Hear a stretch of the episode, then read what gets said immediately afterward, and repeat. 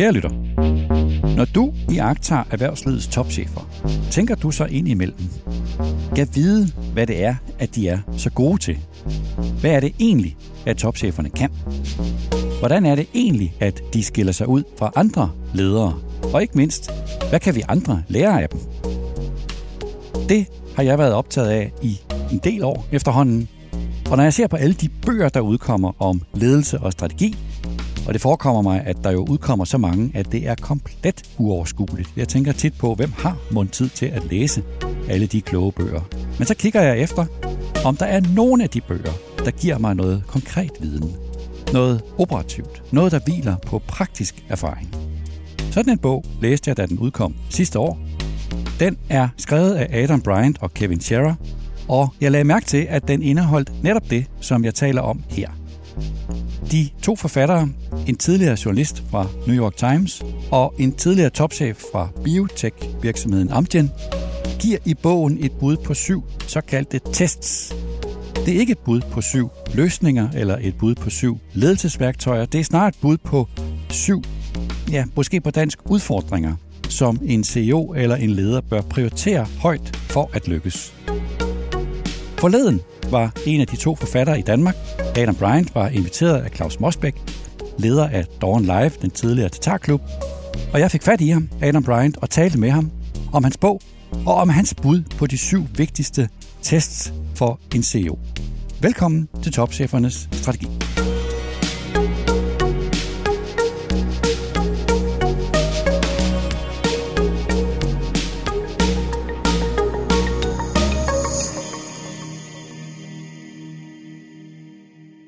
Adam Bryant, welcome to Børsen. Thank you. Thank you, Niels.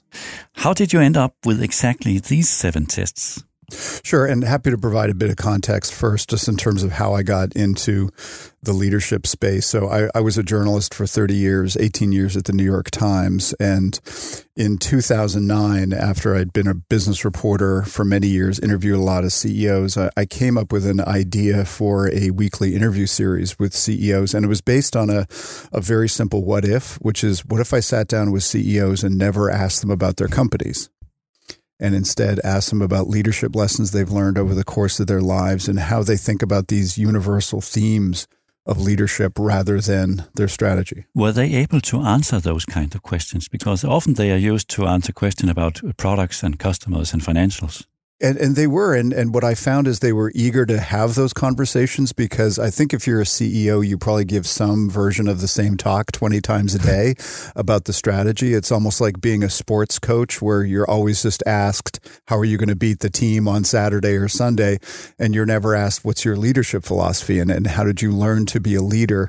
So I found the the CEOs were very appreciative that somebody was asking them um, these questions and and I it also got them off their sort of talking points that the marketing department handed them because I was interviewing them as people, as human beings. But also outside their comfort zone, maybe uh, yes. Towards a reporter. Yes, exactly. And and it, so there was some trust involved, but after I had done the series for for a while, people understood that you know I've been an inv- investigative reporter in other times in my life and for different kinds of stories but for this that series my interest was was very clear. I wanted to have a good conversation and understand them as leaders. So the context for the book which is the third book that i wrote um, and it was the first time i wrote with somebody a guy named kevin sharer who's the former ceo of amgen the, the big biopharmaceutical company. And it the idea of the book is really captured in the subtitle of the book, uh, which is "Master the Challenges That Make or Break All Leaders."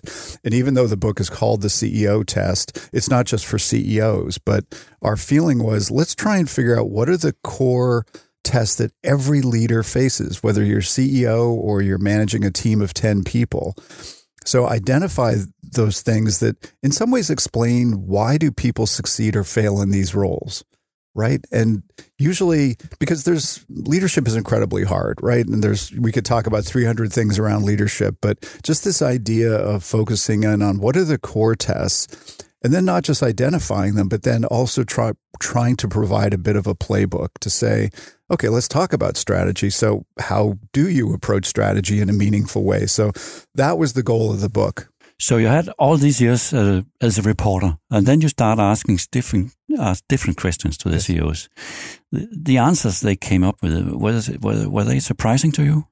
They they were in the sense that everybody the way I think about it, it, it's it's almost like a, I use the metaphor of a mountain. So at the at the top of leadership mountain, if you will, there's probably going to be some some some clear patterns, some fundamental truths about leadership, right? Like you've got to be trustworthy, you've got to set a clear strategy, you've got to be authentic. All those things you may say, okay, well that's true of everybody, but every leader I interviewed sort of took their own path up the mountain. And that's what I was interested about. Um, another metaphor I think about is like a fingerprint. So from a certain distance, everybody's fingerprints look the same, but when you get closer, they're unique, right? And and that's what I was really trying to get at. Um, and I, I was I was looking for stories more than anything because it's very easy when you talk about leadership to use just a bunch of words, right? But what I always wanted to do is like, tell me the story, like how when you were when you were young. I mean, when you what were important early influences for you that shaped who you are as a leader today? And that's when they start talking about, you know, maybe they faced a lot of adversity when they were younger. Um, and maybe they played sports or maybe they learned about leadership through theater. Or to me, that's where kind of the magic is. And also, I really wanted to explore um, things that they've struggled with over their career because I think we need to just open up the conversation and acknowledge that leadership is incredibly hard. Nobody ever figures it out. People have their strengths and weaknesses. So just to let's let's all try and open up that conversation and let's get beyond that era where CEOs, you know, want to pretend they have all the answers because nobody has all the answers anymore, right? Maybe people thought they did 20 years ago, but in this environment with constant disruption, nobody has the answers. We will get back to that, Adam. So let's take the seven tests.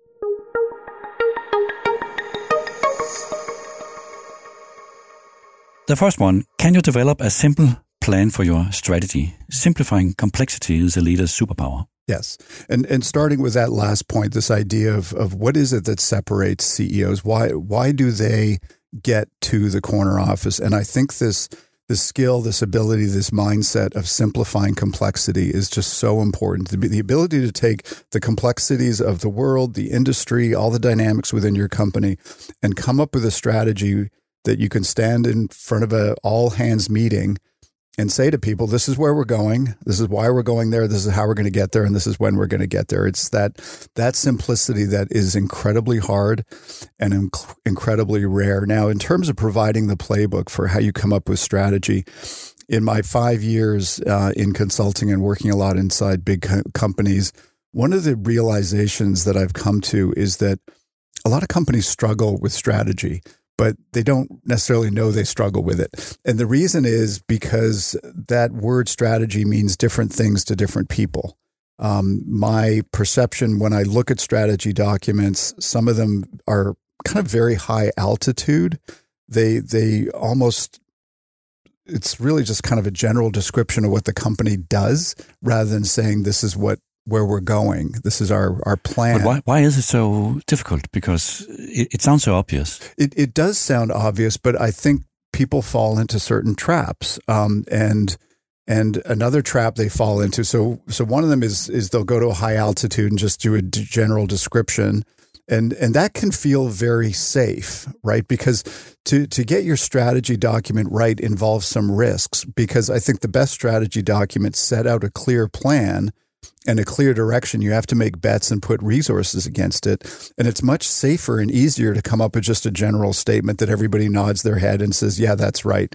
The other problem that we see is that a lot of companies, their strategy document is a list of like 12 priorities for this quarter, right? That gets very granular and in the weeds. And so what we try and look for we use this phrase a simple plan just because we don't want it to sound fancy. But what is your simple plan? And in the book, I share this framework for setting strategy that I learned from the CEO. His name was Dinesh Paliwal, who ran Harman International. Simple one page framework with four components to it. I'll run through them in 60 seconds. So the first one is a concrete summary statement of what you're trying to accomplish. So, what is your goal, whether it's one or two or five years out? That you are trying to achieve, a specific outcome. And the second part that raises the question, well, how are you going to get there? So what are the two or three big things, the big levers you're going to pull to achieve that goal. The third part is well, let's have an honest conversation about what the challenges are because in a lot of companies, they don't have that moment where they say, let's be honest about the challenges we faced. It's what one CEO called looking in the ugly mirror. Like you've got to look, be honest with yourself about what your challenges are. And then finally, you need a scoreboard to measure progress so that everybody, it's like sports. There's an external scoreboard so you know whether you're winning or losing together. And that simple four part framework, that helps get everybody grounded and it answers those basic questions. Where are we going? How are we going to get there? But when I ask Danish CEOs questions like that, or questions like, um, what is your core capabilities? What are your key compet- competitive advantages? They have difficulties to answer in a very clear, understandable way. Yeah. And of course, then it gets very difficult for the frontline people yes. outside in Asia to understand what's going on. Right. And so you and I are on the same page about this. And I think I think there are a few dynamics that are are going on, Niels. One is that we find in our work with leaders that the strategy is often very clear in their own head, but it's not clear when you get out on the front lines. So I think that's that's one problem. And I think the other problem too is that there's there's kind of safety in generalities. It's easy to come up with just sort of a general description of what the company does and then have everybody nod their head and go, "Yeah, that sounds right."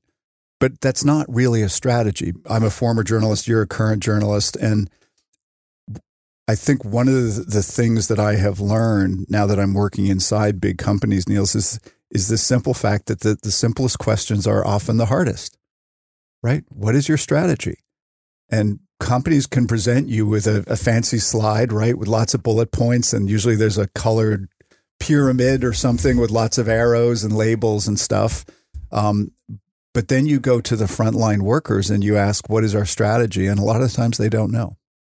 And I guess it's very deliberate that you put this test, number one, as your priority. I, I did because I've come to understand that um, strategy to me is like the cornerstone of the foundation.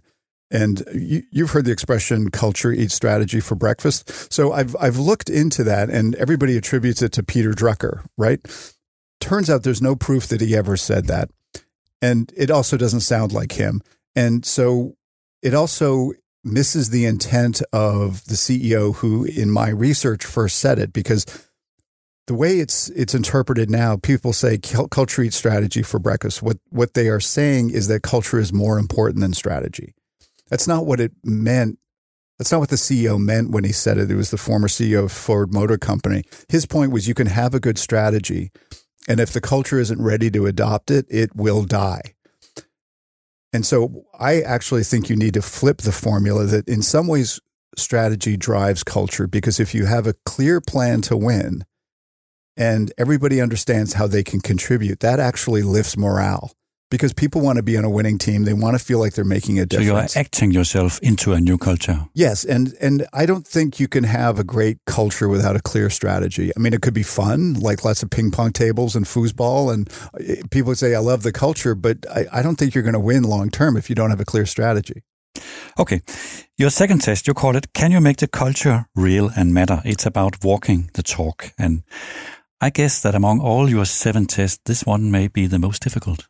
it is, and I find the the culture discussion is to me it's it's manifested in um, the discussion around values. And ev- almost every company goes through the exercise. We need to come up with our values. And then the, the CEO, he, he, he or she, they don't even remember the values themselves. Exactly. And and I've had so many you've probably been in this situation yourself, but I've I've interviewed a lot of leaders when I I said to them, you know, I'd, they'll go, "Oh yeah, we've got seven values." And I go, "I'd love to hear what they are." Right? And they can't remember them all, right? So how can the CEO can't remember them? How can they expect everybody else to remember them? Um, and I think for a lot of companies historically, the exercise has often been they go, "Okay, we need some values," and and then you just start getting in front of a whiteboard and you put up yeah, I mean, all the obvious things, right? Excellence, integrity, respect, customer centricity. And you can put those words and go, okay, we're done. That that looks good, right, Niels? I, I think we're done. Um, and and so to me, that's what I call the bad movie version, right? Because at a lot of companies, they will come up with those values. They'll put them on the foyer wall in the in the headquarters, and they'll put them on laminated wallet cards. But nobody can remember them. So, what is your advice on this? Well, I, I first of all, I am generally a fan of shorter is better. So all the neuroscience shows, and it, and we know this intuitively, most of us can't remember more than three or four to things day to day, right? And so you get a lot of company lists with like 12 values or 14 values. So I think shorter is better. And then I think the other thing that has to be clear is I, I, I use this phrase that we are in the era that the triple click era of leadership. And what I mean by that, it's sort of like sitting at your computer. If you see a phrase and there's a hyperlink, you click on it and you want to know more, right? What does that mean? And then you click, there's another, like, I want to know more. And to me, that's what I, I, I, I use that metaphor for values because it's, it's very easy to just put words and phrases out there. But when people start triple clicking on them, there's got to be like, what does that mean? And why did you come up with those values? And what do those, what do those look like in practice and why are they important to the company? Why are they important to you, the CEO? How are those values used to decide who gets hired, who gets fired, who gets promoted, who gets rewarded? Because to me, those are the signals of of, of a culture uh, in practice. So just that idea of it, it almost doesn't matter what the words are themselves as long as you can answer those triple click questions of like, what are the stories and how do we use these? Show to me as an employee here that we use those to decide who gets promoted and who gets fired. So you could say in practice, the role models in a company defines the culture. Yes. And, and the role models, and again, to me, the, the, the most powerful signals of culture are who gets promoted and who gets fired. Because if you're an employee, that you can say all the things you want, because at the end of the day, it is sort of a tribal dynamic. If somebody is part of a tribe and they see somebody getting promoted and somebody kicked out of the tribe, they're going, "What behaviors is that person manifesting that got them promoted? Why did they get fired?" You know, I'm going to do those and I'm not going to do those. Like those are the signals. There, there was a Danish unicorn CEO told me once that uh, the most important signal a CEO can send to to the high performance in an organization is how he or she handles the low performance. Yes. Do you agree, agree on that? I, I do. Yeah.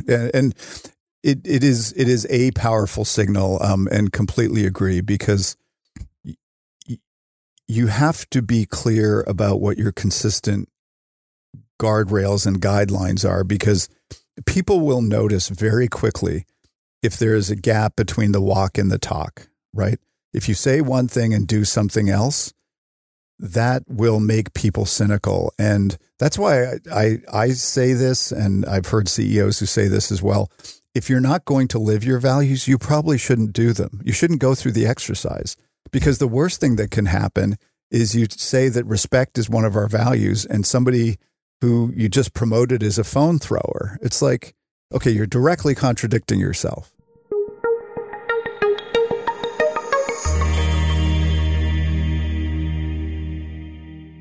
Your test number three is Can you build teams that are true teams? They are key to driving strategy. If you, as a CEO, want to achieve this to create a true team, what is the most important to be aware of? Part of it is is the dynamics and making sure that to me the one of the most important things is making clear that politics are not going to be accepted because I, I, think you have to assume that there's going to be some competition. And, and I often like to say, um, you know, the HBO series Game of Thrones in the United States, they used to always run it on Sunday night. I don't know about here, but I would always say that that's to get people ready for work the next day. Um, because I think there, a lot of people approach work like Game of Thrones, like it's a zero sum game, right? And I, if I'm going to win, you've got to lose. And so my my co-author Kevin Sharer, who ran Amgen, when he became CEO of his company, he got his leadership team together for a dinner, and and he said to them, he goes, "Look, I know politics when I see it. I'm pretty good at politics. How do you think I got this job?" He said, "But if I see any politics on this team, you're gone." And it sent a pretty powerful signal, and he kept his leadership team together almost intact for about 10 years. But just making incredibly clear that you won't tolerate that. And and I think another important insight about teams and what's what's very often hard for leaders and we see this a lot in our consulting work is when you sit down with a CEO and you say tell us about the people on your leadership team. And what are their jobs and how would you rate them? Give us like a letter grade for each of them. Um, and very often because you spend so much time with people on your leadership team, you get invested in them personally, right? You might spend more time with them than you do with your own spouse. And what we hear from a lot of CEOs is sort of explanations. It's like, you know, they're really loyal, they're good for culture, they've been in the company a long time. And what happens, it's almost like a slippery slope. You start excusing away subpar performance. And so I think one of the challenges of leadership is just to be very clear in your head about what good looks like and not only what it good looks like today, but the fact that that tomorrow the bar is going to get raised again. And so I've I've interviewed CEOs who said, you know, there's somebody on my executive team for the last decade, I have kept raising the bar and they kept surpassing the bar. They kept they said, but now I need to let them go because I'm going to raise the bar again, and they they won't make that. Hmm. And I guess that's totally okay. That's how it is, right? Because as, as hard and as uh, emotionally wrenching that situation might be, you have to filter through a simple test in your own head of simply what is best for the company. And also, if a challenge change and you have some capabilities, then it's other kind of capabilities. It's totally okay to say your time is up. Yeah, but but that discipline is very hard mm. for some people. You write in your book something interesting. You write that I I read it like this. Um, you not only need a team which have the necessary capabilities, but you also should focus on unlocking their skills and talents that they may have in a team. Yeah. Is this in the essence of building a great team that people in the team believe that their leader will improve their skills? I, I, it's I almost like a football team. Yeah, and and it, it's interesting. Um, again, I've I've learned so much in uh, now that I've been inside companies and working with a lot of leadership teams. You you sometimes encounter leaders who don't necessarily see their role as developing and coaching people on their team. Um, and they might sort of just almost create some distance and sort of wonder why the team isn't getting along. But to understand that your job is to develop them, to be a mentor, to be a coach to them, and that hopefully that in role modeling that behavior, you'll make it clear that you have to do that with your own team. Um, I, I, I interviewed one former CEO, Ron Williams, who ran Aetna, and and he would tell everybody on his team, he said everybody has to get fifteen percent better every year. And I was so intrigued by that because it's a very specific number. It's not 10%, it's not 20%. I want everybody to get 15% better. And people might object and say, well, in what way? Like that seems arbitrary. But to me, it just it sends a very clear signal just that you have to keep asking yourself, how can I get better at my job? And to learn more and keep your eyes open because I think the most dangerous thing in this day and age is a flat learning curve. When you say yourself, no, I've, I've got it kind of figured out, Niels, I'm good. This is almost a moral imperative. I, I feel like it's become that. Um, and I have, I have worked with people, I'm sure you have in your career. And sometimes it, it does seem like their learning curve is flattened out. Right. And I'm always curious about that because, you know, I, I managed journalists for for about 15 years and once in a while you'd meet somebody but i guess many leaders or ceos they don't think like this. And why why do you think that i think they they are thinking a way. I get to assemble a team and we have uh, a challenge to meet and that's fine. And if we meet the challenge that's fine. Right. I don't they don't also think this way that i also have a, almost a moral imperative to develop develop their skills yeah. Uh, that's a very demanding way of thinking and, as a leader. Yeah. And I think the key word to me in what you just said is demanding. And I have to say that I, just in the last two and a half, going on three years since the pandemic started, I, I honestly think that CEO jobs are about five to 10 times harder than they are. And to be clear, nobody ever feels sorry for CEOs, right? They tend to be handsomely paid for for what they do. But I think the jobs which were difficult before have become almost impossible now because it's not just about the strategy of the business. They're, like the world is in a constant state of disruption and uncertainty. And on top of that, companies are being looked to to sur- solve all of society's ills, right? And they're they have to be prepared to be asked almost any question, just like a politician. And leadership is becoming more personal. So they don't want to just know what the company's position is. They want to know what is your position? What do you believe? What's important to you? And we encounter people who look like they're on a very strong trajectory into very senior leadership roles. And sometimes people are saying, you know what, I'm out. I, I'm not, I'm looking at that job. I don't want that job.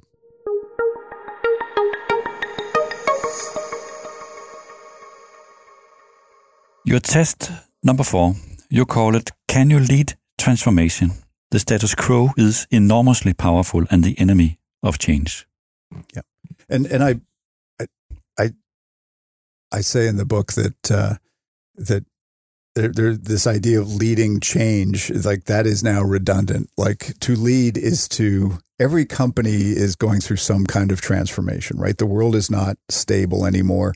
Uh, I mean, if we look back, the period from 2008 to you know 2020 was a pretty stable time in our in the world, right? You could sort of plan and and and say, okay, we got the, we're just going to run the playbook right now. Um, and I think it's pretty clear since the pandemic started and in every other crisis, uh, you're in the news business. I mean, almost every day, almost every week, there's a new crisis, right? And so companies have to transform themselves. Everybody's becoming more digital. And so what we try to explore in that chapter are what are the the key insights rather than making it about a specific company or an industry. What are the key insights about driving transformation?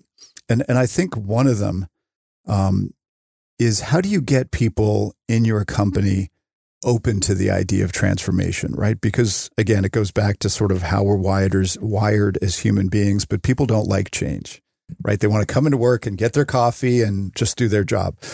And um, so, as a leader, when you say, hey, we have to change who we are, a lot of people start feeling a lot of stress about that and they start worried about their job security and the future. And so, one of the very simple frameworks that we like to share with the leaders we work with is to have two conversations. One is about what is not going to change.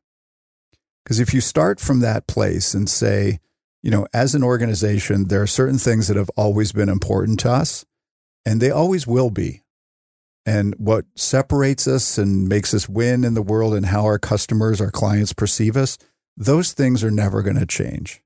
And if you can have that conversation so that people almost relax a little bit more, and then you can say, so let's talk about what is going to change. But Adam, maybe uh, sometimes you have to start a transformation without a burning platform. You do. Uh, when it seems that everything is just fine. So how do you get people aligned and motivated in that case? Yeah, and and it, it's a great question, and it's it's uh, when status quo is not an option, it just like it, it was in the New York Times with the transformation or the disruption from digital, it was very clear that something had to be done. And so we use um, as a case study in the book Amgen, where my CEO, uh, co-author Kevin Sharer worked.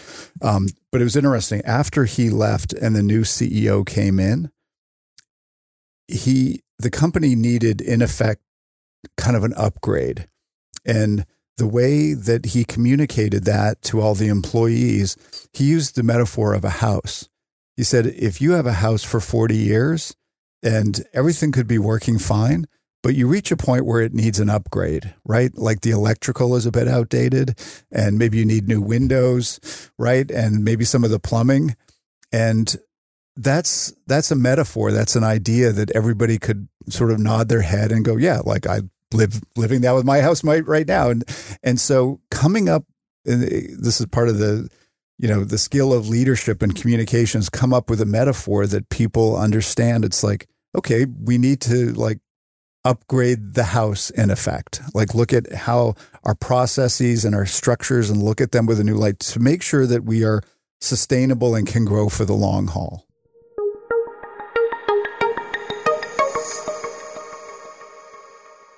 Your test number five can you really listen? Mm-hmm. Danger signals can be faint and bad, bad news travels slowly. Right. Yeah, it, it, to me, it's one of the one of the paradoxes of being a CEO is that you have access to more lines of communication than anybody else in the company, but at the same time, those lines of communication are compromised because people don't want to give the boss bad news. Right. They want to sort of make everything perfect and polished and two thumbs up, everything's great, boss. And and so the first step, I think, is for leaders to understand what I just said, that you cannot trust the information you're getting. Unless you have some confidants who you just know are always going to tell you the truth, generally you have to be suspicious about the signals you're getting. Because again, everybody just wants to give two thumbs up to the boss. And so, what we talk about in that chapter is how you have to create almost like an, a listening system, an infrastructure. And that can include like skip level meetings and having breakfast with people and, and starting those conversations with, you know, what don't I know that I should know? and all these tricks. And you can say to people again, if you're sitting around a table having breakfast with employees, you could just be open and say, leaders have blind spots.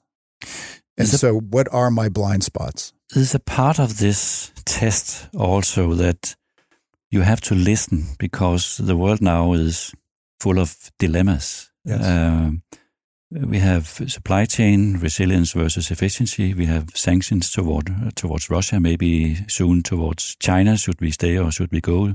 Dilemmas about diversity and big tech. Should we keep our customers close or be part of a platform? All those kind of dilemmas.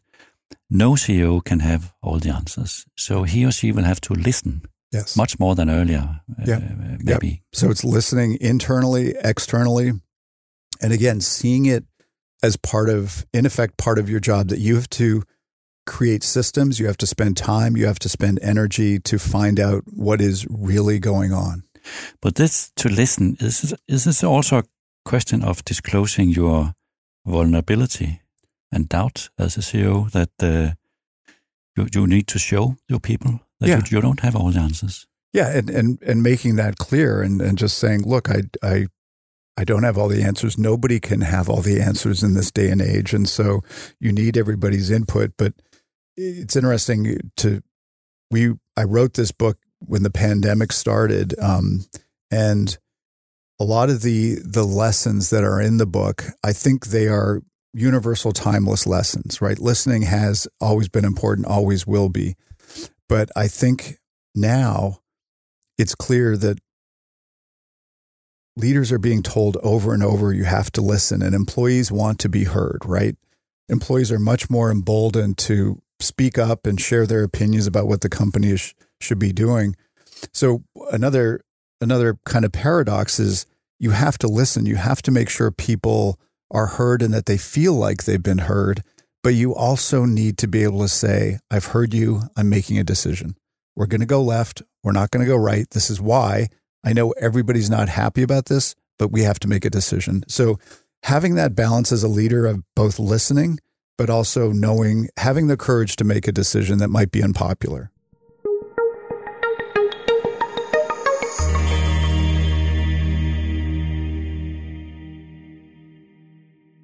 Your test number six: Can you handle a crisis? Yeah. Avoid the avoid the predictable mistakes that trip up so many leaders. Yeah, and again, we uh, I was writing.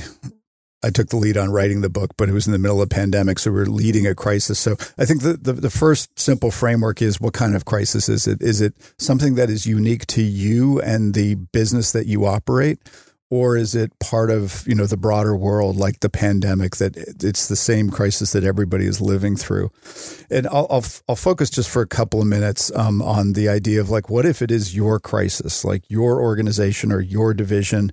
Um, and the the first tip is to avoid the trap of saying things that you don't necessarily know because and, you know you've you've covered them over the years as as have others but CEOs get into trouble when a crisis hits when they say things that they don't know to be true right? And it's usually some version of like, okay, this is the extent of the problem. What we are seeing right now, the problem isn't worse than this. So if there was like 50,000 customers who accounts were hacked, that's it. Right. And then what happens is a week later, you come back and say, actually, you know what? It was 100,000 people. It's like the UK prime minister right now. exactly. And, and, and yet, and, and, and it's understandable why leaders do this because they want to look like, say, hey, everybody, like, I know you think this is a problem. It's not. The problem is what you see it you have to resist the temptation to do that and say, look, we're going to find out what the extent of the problem is. We will communicate that clearly when we learn it, and then we will take quick steps to make sure this doesn't happen again. And it is it is a simple playbook that in the stress of the moment, people often forget.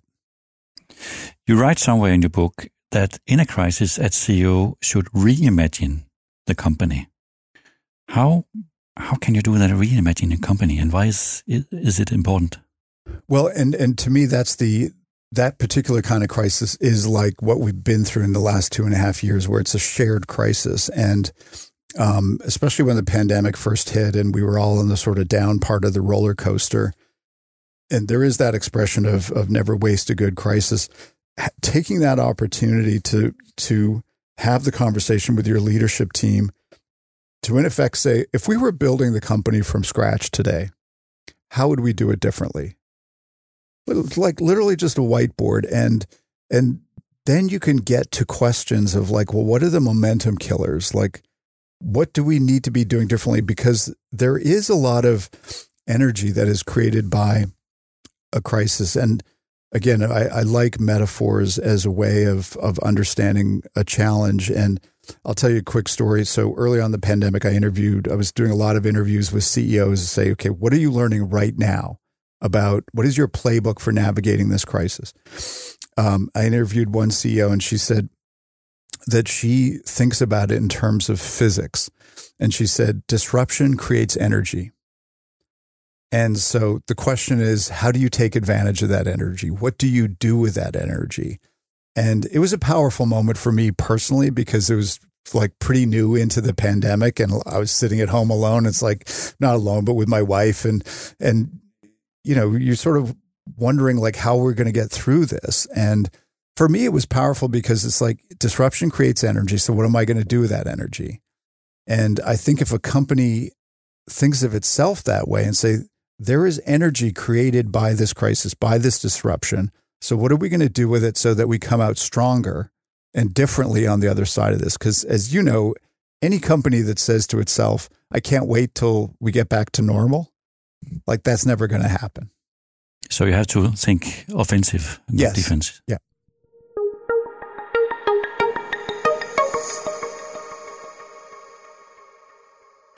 Your test number seven, Adam, is can you master the inner game of leadership?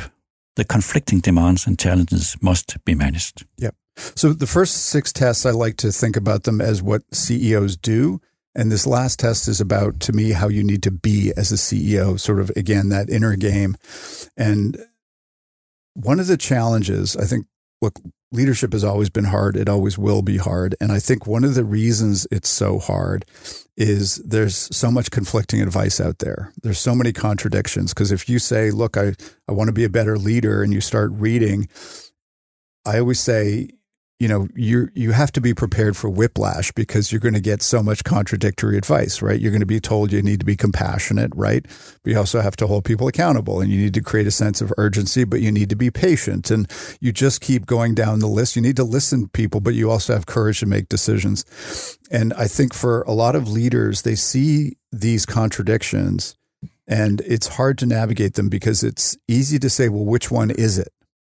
And the point that we make in the chapter of the book is that those are not or propositions, they are and. You need to see those paradoxes as the paradoxes of leadership. You need to be both compassionate and also hold people accountable and to to understand the sort of that there is a balance point between all these conflicting demands of leadership. So understand the balance point and then whatever situation you're in, you can then flex as you need to to address them. So and you're a leader yourself, Niels. There's, you know, you will probably go from a meeting where you say, okay, I need to be compassionate to this person. They're dealing with a lot. And then you go to the next meeting and you got to hold somebody accountable because they're not performing to the levels they need to be. And to just understand that, that sort of balance point to me helps, helps diagnose a lot of the challenges of leadership so that it helps you be kind of calm and confident and credible as a leader to understand that all the things that are hard about leadership are hard because they are paradoxes. So this is what you call the inner game yes. of leadership. Yeah. You write a bit about self-awareness. Mm-hmm. Um, what does it take to have self-awareness as a leader? Well, I, I, think a lot of it. A lot of people think about self-awareness as being um, about knowing what your strengths and weaknesses are, which are important, right? Just being honest with yourself. I'm good at this, but it doesn't stop there. I think uh, the sort of next level of, of leadership is understanding how others perceive you, because there's always gaps between how we think we're showing up in the world and how people perceive us. Um, and we have an, an, interesting assessment tool that essentially holds up a mirror and say, you think you're showing up in the world this way, but this is how people perceive you. And there's almost always some, a little bit of a gap. And then it leads to questions of, well, how do you close that? And to me, when I think about self awareness, there's something that is very of the moment that leaders are dealing with because we're in this moment where I think people want to know who their leaders are as human beings um, because it's employees aren't just saying, you know, what is our position on whatever the issue of the day is. They are saying to people, I don't want to know what the company's position is. I want to know what your position is. And I think there's much more of a sense of, of uh, you know, we're, we're hearing about words like authenticity and trustworthiness and being human. And what does all that mean? And I think the what's important for leaders to understand is to think about kind of their brand as a leader. And I don't mean that just in terms of marketing, but in sense of like what do you want to stand for? Like if you if you as a leader want to be known for three things, not in terms of strategy or driving performance, but what's important to you? And then to start having the stories behind those. So it's one thing to say, this is important to me, but then you need to be able to say, and this is why it's important to me, and this is why it's been important in my career. This sounds to me like a capability that comes when you get more experienced. Um, is it difficult for a young person to have self awareness?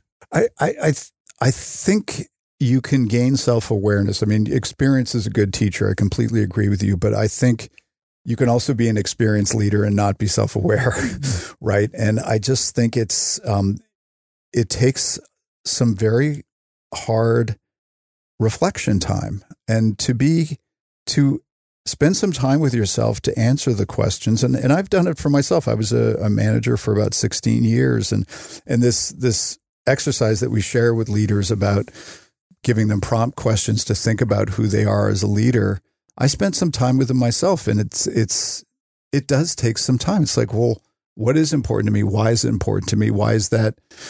You know, what are the the values to me that I'm not going to compromise on? Um, because I think when you you think about what makes leaders trustworthy, I think that means in part predictability.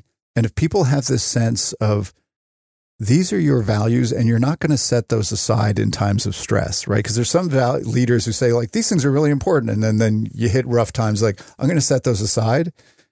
You can't set them aside, right? So to be a trustworthy leader, you have to be clear this is important to me. It always will be important to me and this is why. Then people can start to get a sense of like okay, I know who you are and you're predictable, you're reliable, that's an important part of trust. And I can count on you for those things because I don't know about you, but I've worked for some great bosses in my career, but also some bad bosses. And if you say, well, what, what made them bad? One of the things that I saw is just this idea of unpredictability that I didn't know on any given day what they stood for or whether they would back me up or kind of what it felt like sand on a beach, you know?